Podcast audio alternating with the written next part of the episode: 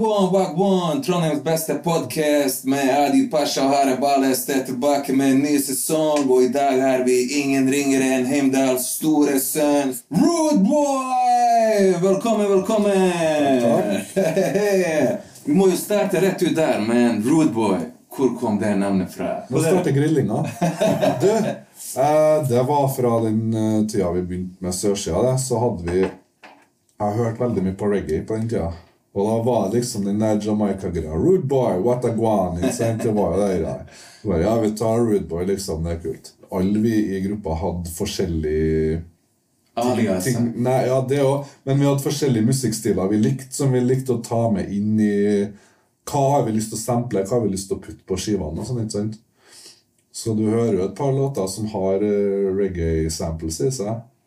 Blant annet den sololåta mi. da, der er det, det var reggae. Det var masse sånne der type beats jeg likte å lage på den tida. Det var den type musikk jeg likte å høre på. jeg Hvis jeg skulle uh, høre noe annet enn hiphop, så var det enten reggae eller uh, uh, ja, sånn 60-talls eh, Motown og den type ting. da. Soul, liksom. Og det tok vi med over i beatsen, produksjonene på den tida òg. Allerede før vi gjorde Sørsida-tingeren og sånn, når vi spilte ting live og sånn, var om å gjøre å huke tak i soul samples og sette på noen breaks over. liksom. Det var det som var greia. Så det er nok det det kommer fra, bare rett og slett at jeg har hørt mye på reggae. Men samtidig så kalte du det for Sinteres også. Hvor kom Sinteres fra? Hva var det for noe? Faen, da spør du bedre. Det står stilt, faktisk. Faen, nesten så jeg må google, liksom. Så, men uh, hvis jeg husker feil, så var det noe sånn her fra noe sånn her antikk historiegreier, liksom. Den største hiten nå, Blør for sør, er det jo underskrevet Sinteres. Eh, Fortell litt om det. men Hvordan ble den der låta til? Vet du, den er henta inspirasjon fra en banger du garantert har hørt, da. Eller var det den? Eh, det var i hvert fall eh, Jeg husker at det var en eller annen eh, hit vi brukte å høre jævlig mye. Om det var den derre Never Scared, tror jeg det var. Ja, Jeg husker det Var det på sånn soundtrack. Ja, Bone Crusher. Det var på sånn tror her det var- Ja. DMX-film-soundtrack. Det var noe sånt. Og vi, jeg tror det var den at jeg bare faen har lyst til å lage en sånn der låt, liksom. Men sånn, bare at det skal være en mer sånn anthem-greie. Som bare alle kan Alle all fra vår side av byen i hvert fall kan høre. da. Så den biten der er henta inspirasjon fra i hvert fall den type musikk som det der. da. At det skulle være noe sånn her hard anthem-greie. Jeg tror det var sånn cirka det type tempoet som den der uh, Never Scared-låta var. Og da var det Når vi var så mange i gruppa, så er det liksom ok, du må enes om hvilken bit liker vi. Hvem har lyst til å være med på den her? For hvis ikke du liker det, så ok, da får ikke du ut stemninga di på den. Da dropper du å være med. Alle sammen er her, den biten her blir kul, det her blir hiten liksom på skiva. Og bare ok, du må bare go hard, da. Det skal være en banger, liksom. Men når du hører det i dag, da så hvis, Jeg husker jeg satt og snakka med Jeg tror det var Alex. Vi satt og snakket om det, og så bare Faen, det er ikke akkurat uh, Hva skal jeg si? Det er ikke lyriske lyrisk mesterverk, liksom. Når du hører det i dag, så bare faen, jeg kunne gjort det mye bedre enn nå. Selv om nå har ikke jeg skrevet på mange år heller. Men eh, sånn for å gå litt sånn eh, inn på historien til Sørsida, så det er jo ikke så snakka så mye om. altså. Hvordan eh, ble Sørsida til eh, i utgangspunktet? Eh, Det var vel egentlig Du, egentlig så var det jo, hvis du går så langt tilbake, så, så var det vel Før sørsida så var det jo kloakksystemet, som var Matte og Matte, Alex. Alex og Frank. Og dem tre uh, rappa sammen, men dem òg Som jeg har forstått det, så var det bare at dem hadde Nå snakker jeg om ting jeg egentlig ikke vet, her men som jeg har forstått det, så har vel de møttes på, på hiphop jams og funnet ut at ok, alle de her rapper de er fra ca. samme plassen, går sammen, kloakksystemet. Og runde én eh, produserte vel alt for dem Nei, Endre Modus òg, faktisk. Endre Modus produserte jo den derre historia fra Høkåsen. Eh, mest brutale trønderske låter som er laga. Altså, ellers så tror jeg det var Runde igjen som produserte tingene deres. Så var det vel eh, Jeg meldte meg på ei stund senere. Og så kom jo Louis til slutt. Eh, han var det jeg som lurte med meg. Bare, for vi hang sammen mye på den tida. Så sa jeg Louis, du, må, du rappa jo før, du òg. Ja, jeg gjorde jo det. Jeg skal ikke bli med oss og rappe litt, jeg. Jo, ok, greit. Så da hadde vi plutselig en større gruppe. Så bare ja, finne navn til det. Sørsida Gerilja. Alle sammen var jo fra sørsida. Da ble det sånn. Og på den tida og uh, Fremmed raseguttene, i hvert fall Jan Tore, var nå med på noe greier apekatt. Og da var jeg gjerne på nachspiel og sånn, sett på beats, liksom. Sitte og freestyle eller battle i, i verste fall. da, Noen terger opp noen, og det blir både bra og dårlig stemning, liksom. Men uh, det er liksom, du møter jo folk, henger jo sammen. Ok, jeg har lyst til å være med og lage musikk. Det er bare sånn uh, det skjedde, liksom. Men hadde du uh, eksperimentert med å lage noe musikk for deg sjøl før den tid? Eller? Ja, ja, ja. Jeg hadde mine kompiser som uh, rappa med siden jeg vet ikke, jeg femte klasse på barneskolen, liksom.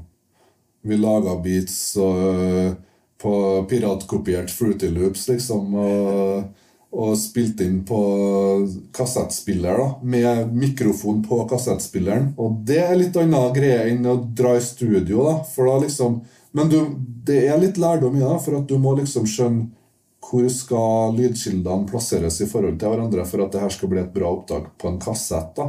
Ikke sant? Hvis du har én jævla mikrofon på en uh, sånn diger kassettspiller Ok, hvor skal beaten spilles av fra? Ja, du må pakke den ganske nære, men du må jo ha vokalen òg, så alle sammen må plassere seg. Og så hvis du har ei rappgruppe, da så dere spilte, dere spilte live? Altså, ja, ja, ja. Du må, du må bare øve inn låta. Okay. Øve inn låta, Og bare hvem tar koringa der når jeg går tom for pust, og bla, bla, bla. Og bare, det var, Du lærer deg å liksom eh, Du må lære deg ikke bare ditt eget vers, du må lære alle andre sitt òg, for at det der skal sitte. og og vi hørte jo på den type rapp der man bytta linjer, annenhver linje f.eks. og sånne ting. Sånn Das Effects og ja. sånn back to back. Uh, Så man må jo liksom Ok, da vet du ok, i verset her så er vi nødt til å stå nære mikken, du er nødt til å pelle deg vekk, og så ikke blokkere høyttaleren for, uh, for biten, ikke sant? Jo, jo, Slipp dere den så fuck up med fuck you, man. Så etter hvert da, så fikk vi det på ungdomsskolen, og så var det sånn, ok, nå fikk vi tak i uh, sånne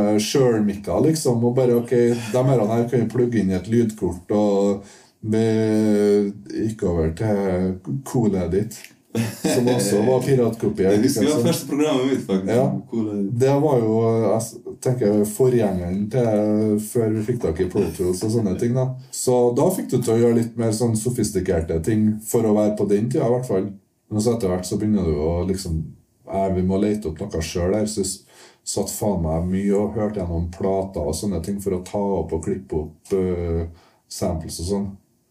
Nå i dag så har du alt det der du går inn på Splice eller noe sånn der greier, så bare har du alt du trenger av samples bare å søke opp. Men uh, ja, jeg syns det føles litt sånn her juks, egentlig. Du har ikke brukt tida på å finne det, liksom. Men uh, det første prosjektet som dere ga ut, ble jo gitt ut på Prakka. Ja. Var, det, var dere offisielt signa av Prakka, eller hvem var det som drev Prakka? Og hva, hva var det på noen plasser? Det var en Lars Lars Lars Luger? Lars Luger, ja. ja. ja Han drev Prakka i hvert fall i starten. Og så tror jeg Christian Teigen var vel med etter hvert, da, fra Fremmed rase.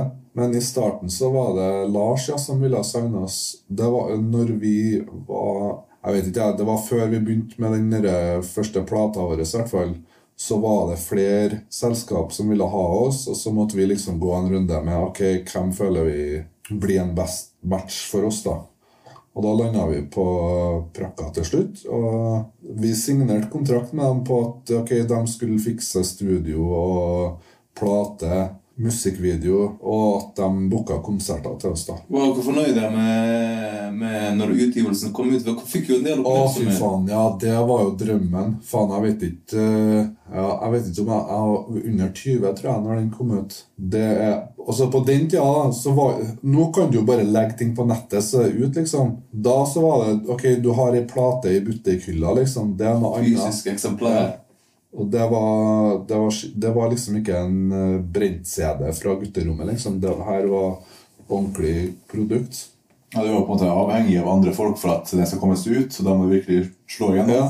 Du, kan, du kan legge ut hva som helst. Og, Ikke, ikke bare er du avhengig av at plateselskapet skal satse på deg, men du er avhengig av at uh, distributøren skal være villig til å ta sjansen på at det her kan vi selge. Uh, så jeg tror de var litt sånn Ok, her er debutplata til ei rappgruppe fra Trondheim. Mm, Det er litt sånn her, men det er litt risiko ja, men jeg, som jeg forsto det, så var, var de sånn at ok, vi kan være litt kule og gi dem sjansen. Og så fikk vi vel beskjed etter hvert om at ja, det salget har gått over forventning. liksom. Det Ja, det er gikk litt med profitt, og- ja. Så jeg tror det opplaget ble vel utsolgt til slutt, da. Det er herlig. Da ble spørsmål, Men etter salgsrapportene da, så var det sånn Ok, når det opplaget Det er jo toppen først, og så dabber det litt av. Og så Ok, har du ikke lyst til å lage nytt opplag? Det spurte han. Jeg vet ikke om vi har lyst til å ta den økonomiske risikoen, så vi lot være å kjøre et opplag til. Det tror jeg egentlig var greit, for jeg tror CD-salget begynte å dø ut litt etter hvert uansett.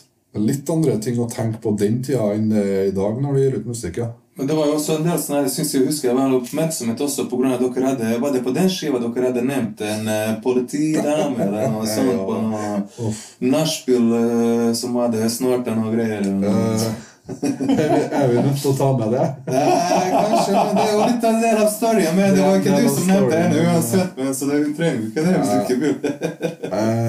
Vi kan si sånn at det var faktisk eh, Vi risikerte søksmål ja, pga. noen eh, ord som ble ytra på den plata.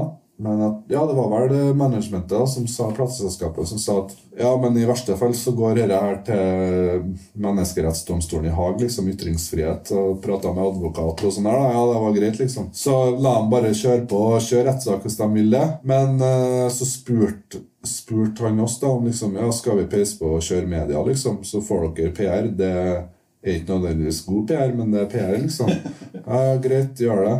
Så det ble jo nyhetssak av det der. Og jeg tror òg politiet så at det der eh, Salgstallene og PR og alt gikk opp, liksom. Altså for, eh, for folk på vår alder da, og bakgrunnen og sånn, så var liksom Det der var kult, liksom. Det, det gir oss bare blod på tann og bare kjør på videre. Det her virker, liksom. Ja, for det er jo dere er skikkelig buzz, altså, men eh, dere fulgte ikke opp på en måte.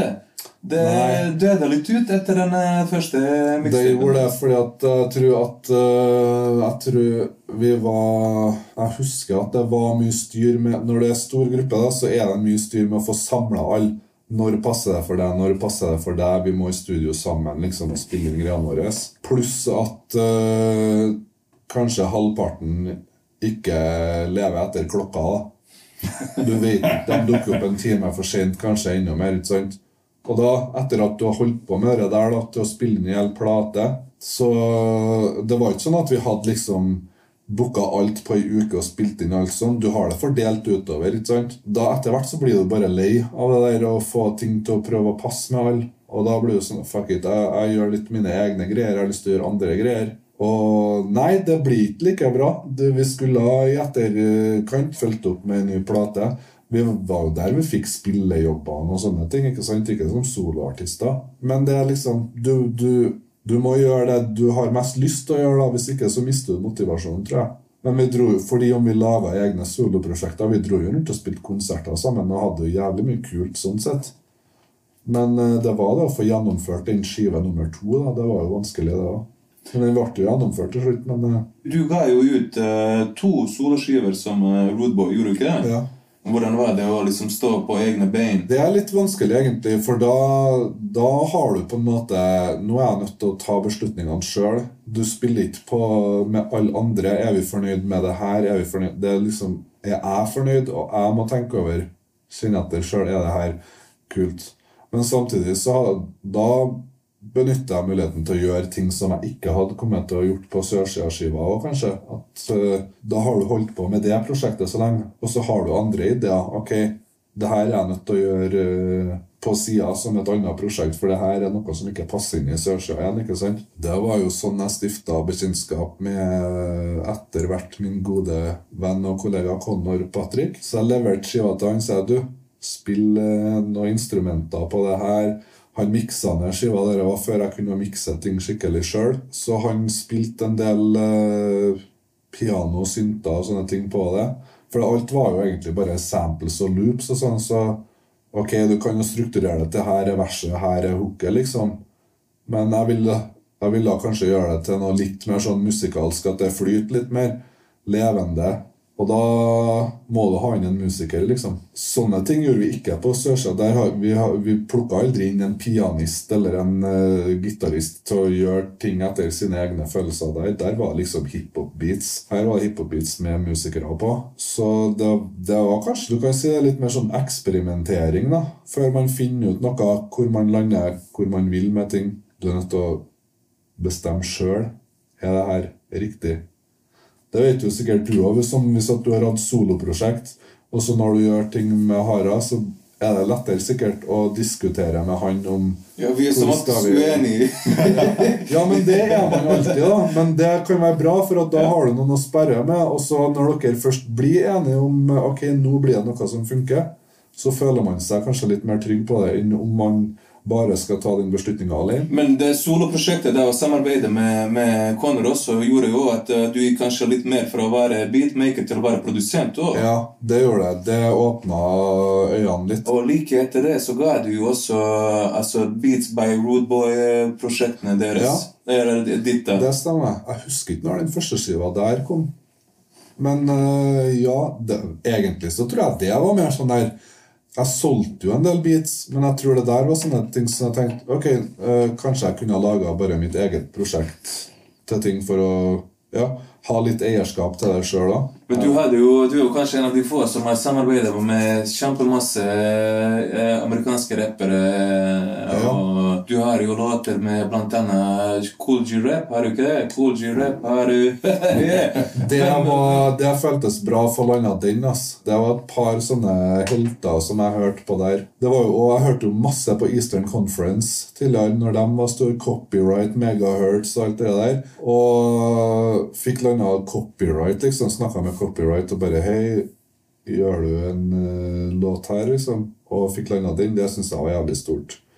Cool G-rap var kanskje det kuleste. Det var litt sånn uh, Barndomsdrømmen uh, som ble oppfylt. Man, man, bruker jo ofte å høre at uh, man skal ikke møte heltene sine. Ja. Ble du skuffa når du samarbeidet med han, eller var det ganske Nei, Cool G-rap var kult, men det var andre kanskje som jeg ble Faen, jeg hadde forventa litt mer uh, sånn uh, Altså, du tenker I dine øyne så er de her store artister, og så merker du bare Faen, jeg hadde forventa at det var litt mer sånn profesjonalitet. Det liksom får servert, liksom uh, Jeg som har jobba lenge i studio, forventer at når noen leverer et opptak, så er det filene har navnene etter. ok, Her er verset, her er korene, bla, bla, bla. Alt starter på riktig tidspunkt og sånn. Og så får du et eh, ganske etablert navn, da, så sender jeg filene, og så er det bare rotet. Du må sitte og liksom prøve å skjønne hvordan ting henger sammen sjøl. Sånn. folk som er vant med sånne dead tapes og sånne greier. Ja, ja. det merker man med digital innspilling. Nei, men det, de burde kunne det der, da. Men det er sånn, ja, kanskje Kanskje de holder ganske undergrunn hiphop likevel, da. Men altså, det er jo ikke at det er en skuffelse, egentlig, men at du blir litt sånn Ok, de er faktisk på det nivået, da. Men det har jeg òg merka når jeg har miksa for andre folk. da jeg miksa jo Nei, jeg, jeg, tror ikke jeg skal si hvilken artist det er, men det er ganske kjent amerikansk artist. da Og fikk eh, filene for vokaler og sånt. Og så bare Faen, det her var dritdårlig opptak. Lyden ble ganske bra til slutt, men du forventer at eh, når det er store navn, så tenker du de her har vært i et bra studio og spilt inn skikkelig, liksom. Bare, nei, det her høres ut som hun har spilt inn i et bøttekott eh, hjem. liksom. På kassett med folk bak seg! Det var ikke mitt eget prosjekt, da, men jeg miksa det ned. og så altså, det Det her er redningsoppdrag, liksom. Så du får noen sånne vekkere. bare, ok. Men etter de prosjektene der, så hadde du altså som du sier, du drev og produserte for en del andre folk, men så etter hvert så etablerte du eget plateselskap òg. Ja. Eh, Bølgemaskin var jo et eh, prosjekt som eh, du var med og starte. Det var, det var når jeg hadde studio på Heimdal. Eh, jeg husker ikke helt hvordan det der skjedde, men jeg husker at jeg kom i kontakt med Shitrich når jeg hadde studio. Jo, var det kanskje Det, det kan være at var, Han var jo med på den ene produsentskiva mi, så han kom jo og spilte inn noe greier til en låt der. Og så tror jeg vi ok, spilte han noen beats og sånn når han var der, da. Og så ja, faen, vi kunne jo kanskje ha laga en EP sammen, eller vi begynte vel bare å lage noen låter, og se hvor det her går Ja. Så vi, vi laga en e- vi la, Først laga vi den låta til plata mi, tror jeg. Ja. Så laga vi en EP. Og så tror jeg vi laga noen andre ting etter det òg. Ja, gir ut den plata. Ja, Da må vi nesten ha et label å, ha det på, for det blir sikkert mer ting etter hvert. Så det var det vi starta med Karene med varene etter hvert. da. Er med varene, ja, vi må ha sånn, det var liksom sånn konseptskive. da. Det var litt sånn inspirert av den derre Det var Eastern Conference, da. Eh, var det Cage og Kamuta som hadde laga Nighthawks-skiva, men det var jo basert på den Nighthawks-filmen, der de bare hadde skrevet alt til den eh, Hva skal jeg si, at det var tatt fra filmen. Men her var på en måte litt samme at vi hadde liksom et konsept. Vi hadde en EP. og Vi bare ville at det skulle være et sånn konsept som at de brukte ikke artistnavnene sine. De tok noe annet. Så vi ikke karene med varene og greier her, liksom. Og så var det vel jordvern vi vel noe greier med en Matta igjen, da. Så han ble jo liksom andre artisten som kom med. Og så hadde jo jeg en kompis, en eh, Kai. Kai Helvete. Så sa jeg ok, du er nødt til å være med. Du, vi, jeg kan ikke sitte og gjøre alt alene. Jeg må ha med noen flere her, liksom. Så Kai var med. Organisert litt forskjellige sånn, uh, musikkvideoinnspillinger, eller ta kontakt med forskjellige folk hvis det var noe. Laga beats. Så da hadde vi Shitrich, og så hadde vi Ben Baller, og så fikk vi da landa Didaboy. Vi var jo noen av dem han har holdt på og hørt på før. ok, Her får han jobb med noen av de artistene han likte å holde på med. Andre sida var jo Badspit med på. Det syntes jo han var dritkult. Jeg husker når vi spilte inn den eh, låta her, så sier vi satt uh, i en pause her, da, så satt vi og diskuterte litt, så sier Badspit du vet noe, Han skriver nå sin måte, og det er noe litt sånn uh, hva skal jeg si, Det er noe politikk og psykologi og alt det der, ikke sant? og ganske sånn tunge tema. Så han sier liksom ja, uh, har du lest den og den boka av den og den forfatteren, da? Så ingen av oss som har hørt om det. Nei, bare nei, jeg vet ikke, liksom. Men uh, han virker jo som en øh, belest type. da, Så bare nei, jeg har ikke peiling, liksom. Nei, ok, begynner å forklare om det. Og sånn, da, så kommer det fra en tid og bare Eneste boka jeg har lest, 'Gummitasjene'. Så. det er liksom kontrasten, da. Så bare, men det var herlig. De fikk laga låt sammen. da. De møttes nå på noe her og fikk det til å funke jævlig bra likevel. da. Men jeg syns det var faen meg gull. ass. Men hva var det som skjedde med bølgemaskinen? Er det Mye ting, tror jeg, men eh, kanskje mangel på struktur. Ting som vi skulle ha hatt på plass uh, før, uh, før vi begynte, rett og slett. Så eh, det var mye læring i det òg. Men uh, rett og slett uenigheter om ting. Og så etter hvert så fikk jo flere av dem tilbud fra andre plateselskap. Ja, skal jeg gå til det plateselskapet? Ok, hvis du vil, så gå, ikke sant? Matta, eh, barndomskompis av ikke sant? så sier han jeg har fått eh, tilbud av et annet selskap. Ville ha snakket med deg først og sånn. Hva syns du om det? Så jeg, hvis du føler det er riktig for deg, så må du gå og gjøre det. ikke sant? Men da er nå på en måte det greiene der delt opp. Da Da er det ikke noe mer å satse på liksom, når det er liksom bare noe igjen. Ok, Da går jeg heller tilbake til å bare gjøre studiogreier, liksom. For uh, der hadde vi liksom et konsept. da Når det konseptet er brutt opp, så eh, da finner vi på noe annet i stedet. Det er ikke noe vits å det halvveis, liksom. Det er litt synd, men det, det funka ikke. Men jeg kjente nok på det, i hvert fall jeg, da. Og Kai òg kjente på det at det her var mye sånn uh, Du må gå og bare fikse ting hele tida. Og artister som uh, jeg, tror, jeg tror alle artistene våre er nok dem som er eh, Hva skal jeg si Møter du på klokka, eller møter du en time seinere? Sånn der type ting. Mista du, du motivasjonen litt eh, etter det? ja, ja. Det drepte jo motivasjonen helt. Da tok du en eh, pause, eller? Ja.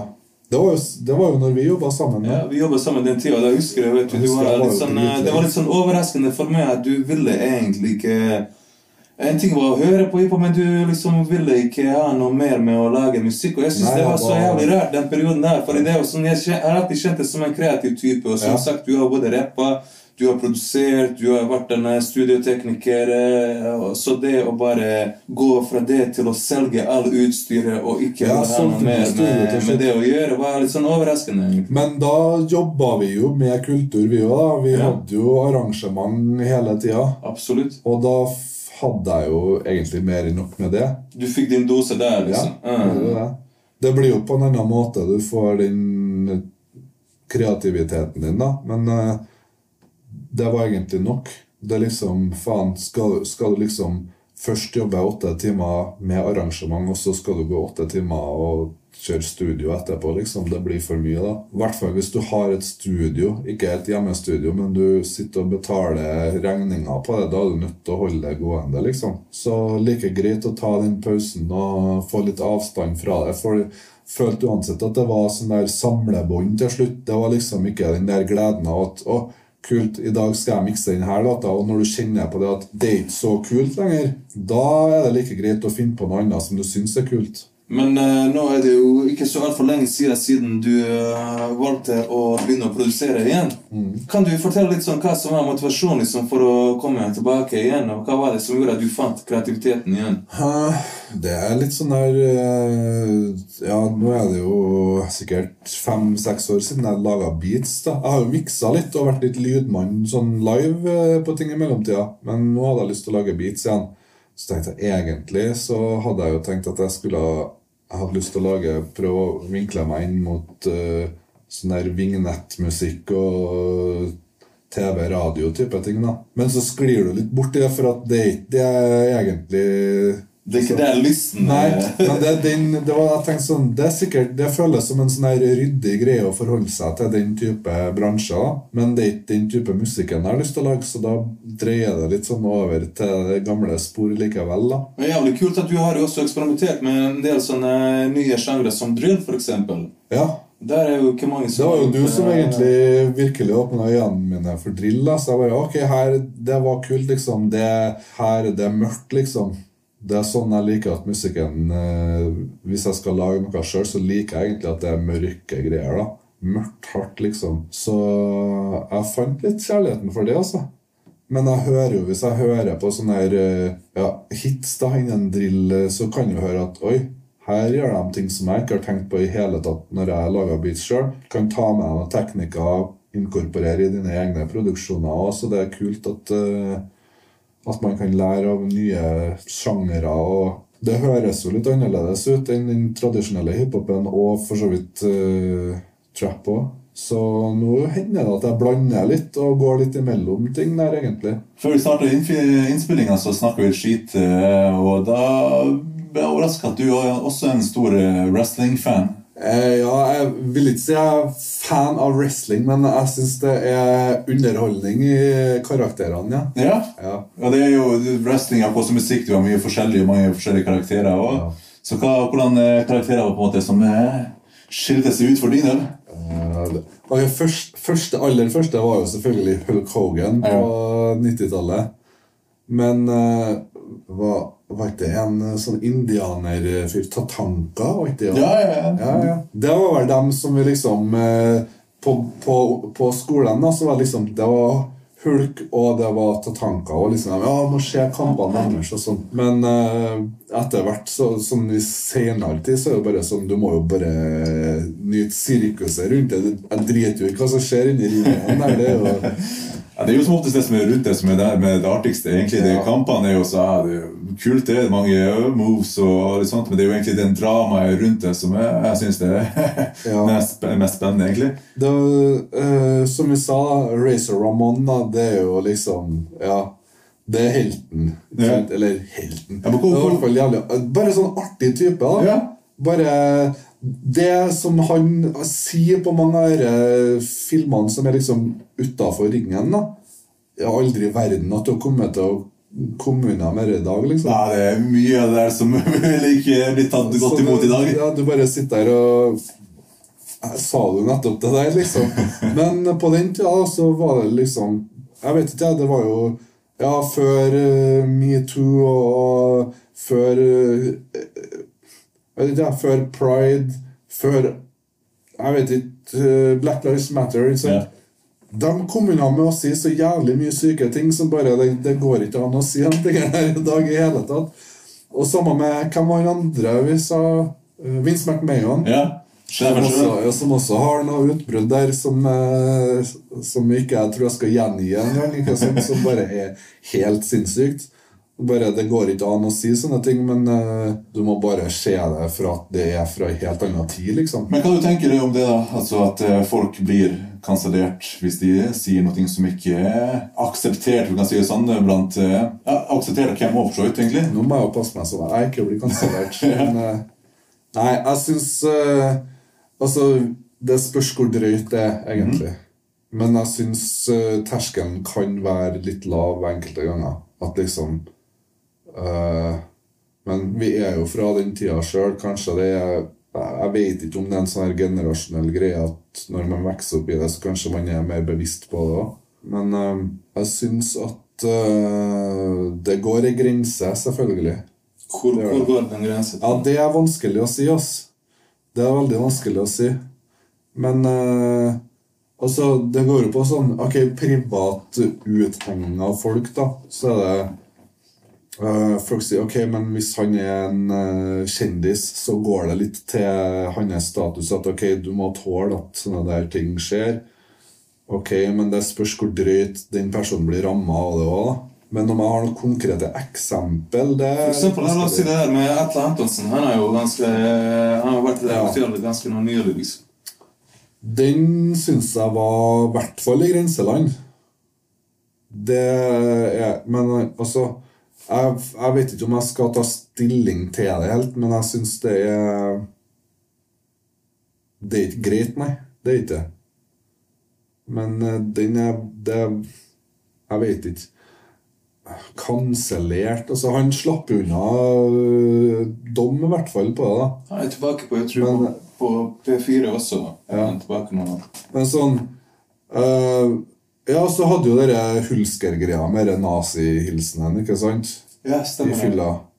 Og nå er han jo tilbake, ikke sant? Men det var jo en periode der han liksom ble kansellert. Men så er jeg sånn Ok, det er en ganske drøy greie å gjøre, men på en annen måte Jeg har sett drøye ting i livet mitt, og det der eh, er ikke det verste jeg har sett, liksom.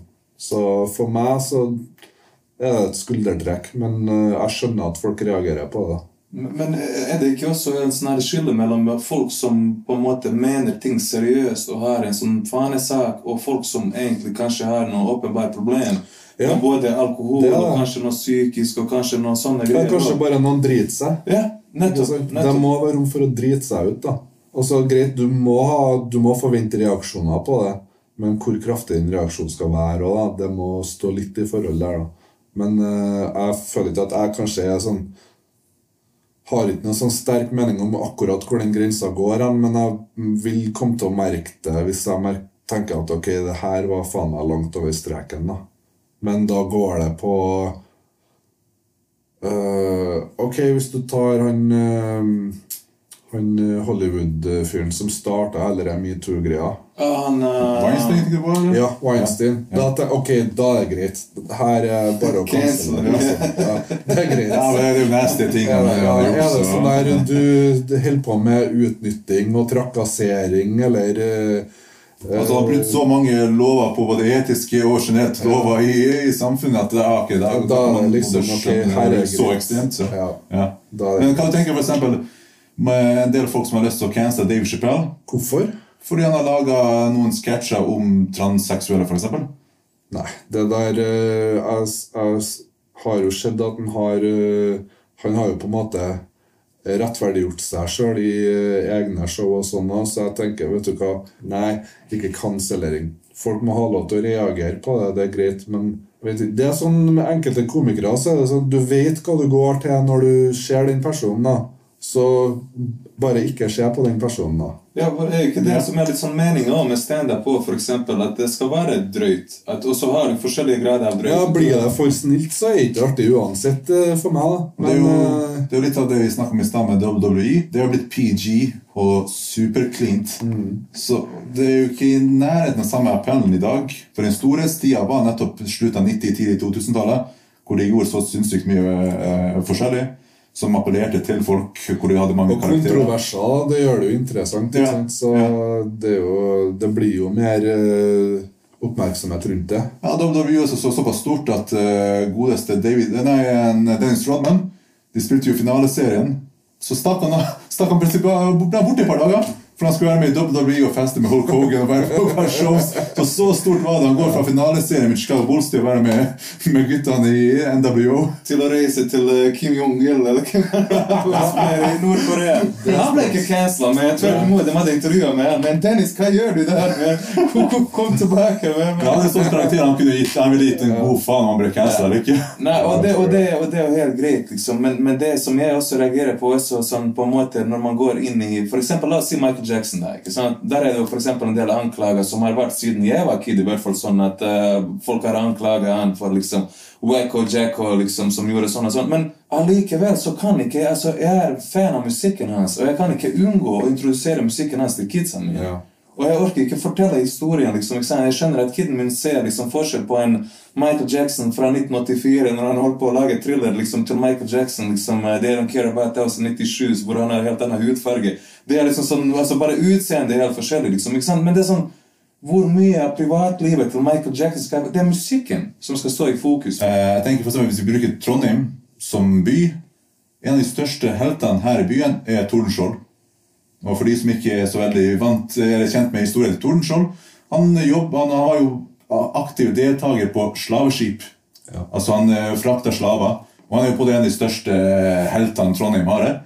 Så på en måte skal man cancel han nå. Ja, det er sant, men det, ja, du må ta det litt fra den tida di at du kan ikke kanskje ikke skrive ut folk fra historien. da. Men det er det folk gjør. altså Man eh, finner er er mails for 20 år siden, eller gamle historier Ja, det er jo, ser jo NRK har jo tatt bort enkelte ting som eh, blir drøyt i dag, som kanskje ikke var det før. og sånn.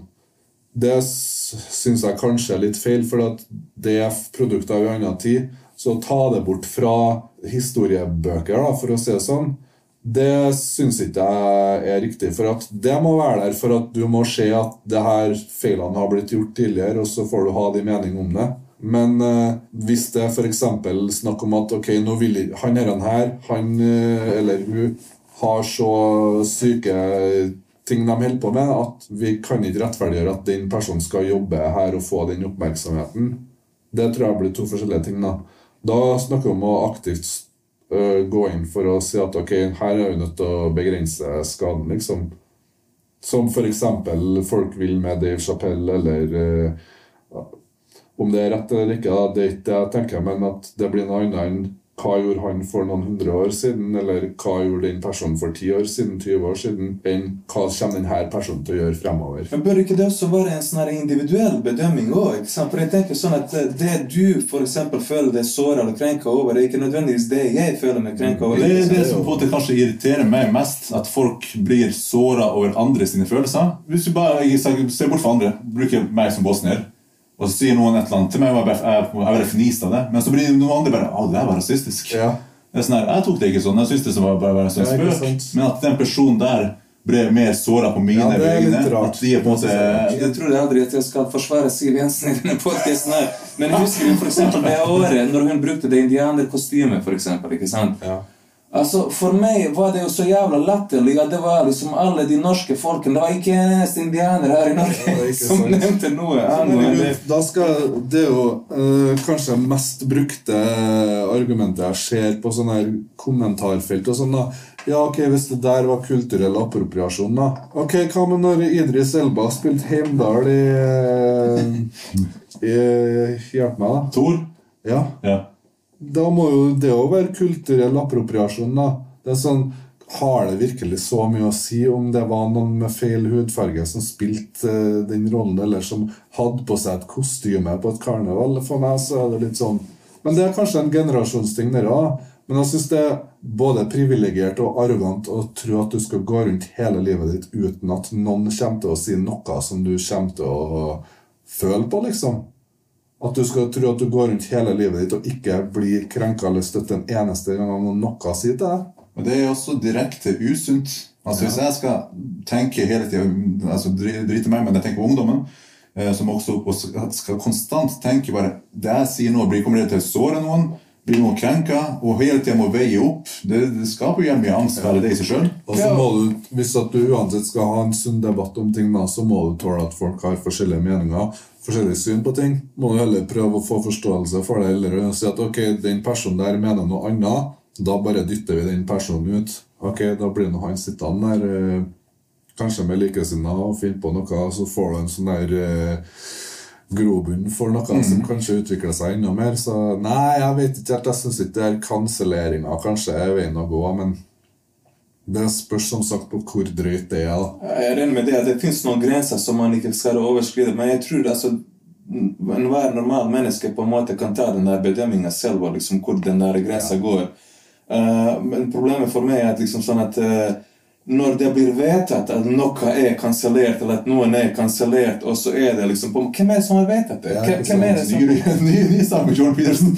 Han retweeta en eh, politiker i Canada, og han har fått streng ordre om at han skal på retraining eller noe sånt. Nå er ikke kvote med akkurat på det men retra retraining på social, uh, hvordan man bruker social media. Og Det er jo sånne begrep man brukte i Nazi-Tyskland og uh, gamle tider i Norge hvor man skulle fornorske samene osv. Ja. At de skulle både opptrenes Til å være riktig uh, ja. oppførsel, ja. Nettopp. Så han skal trenes opp til å ja, riktig oppførsel på sosiale medier, sånn som både staten ønsker det. Ja. Og han kunne jo sikkert ikke gitt en større faen egentlig eh, i, i, det der, men det er jo ganske farlig, far, fordi trusselen var at de skulle ta lisensen hans. Ja. Eh, så, at han ikke kunne drive på med yrket sitt. Og han er jo såpass stor og kjent, så han kunne sikkert ikke gitt en større faen, men det er jo litt annerledes med de som er enten nyutdanna, eller hvis du har vært en psykolog i 30 år, og det er eneste du vet, og så får du trusler om at du må gjøre sånn og sånn, ellers tar du lisensen din. Ja, ja da må du bare mm. Så det er jo ganske farlig at man går i den, eh, i den retninga. Ja, det, altså, jeg har noe inntrykk av at det er den retningen eh, faen meg uansett hva det gjelder. Ja, men det, Vi må være litt optimister. vi må. All right, folkens. Be the change you want to see, man. Her er noen shoutouts på slutten, bro. Nei. Brenn i helvete, alle sammen. vi avslutter på det viset. Peace out, folkens.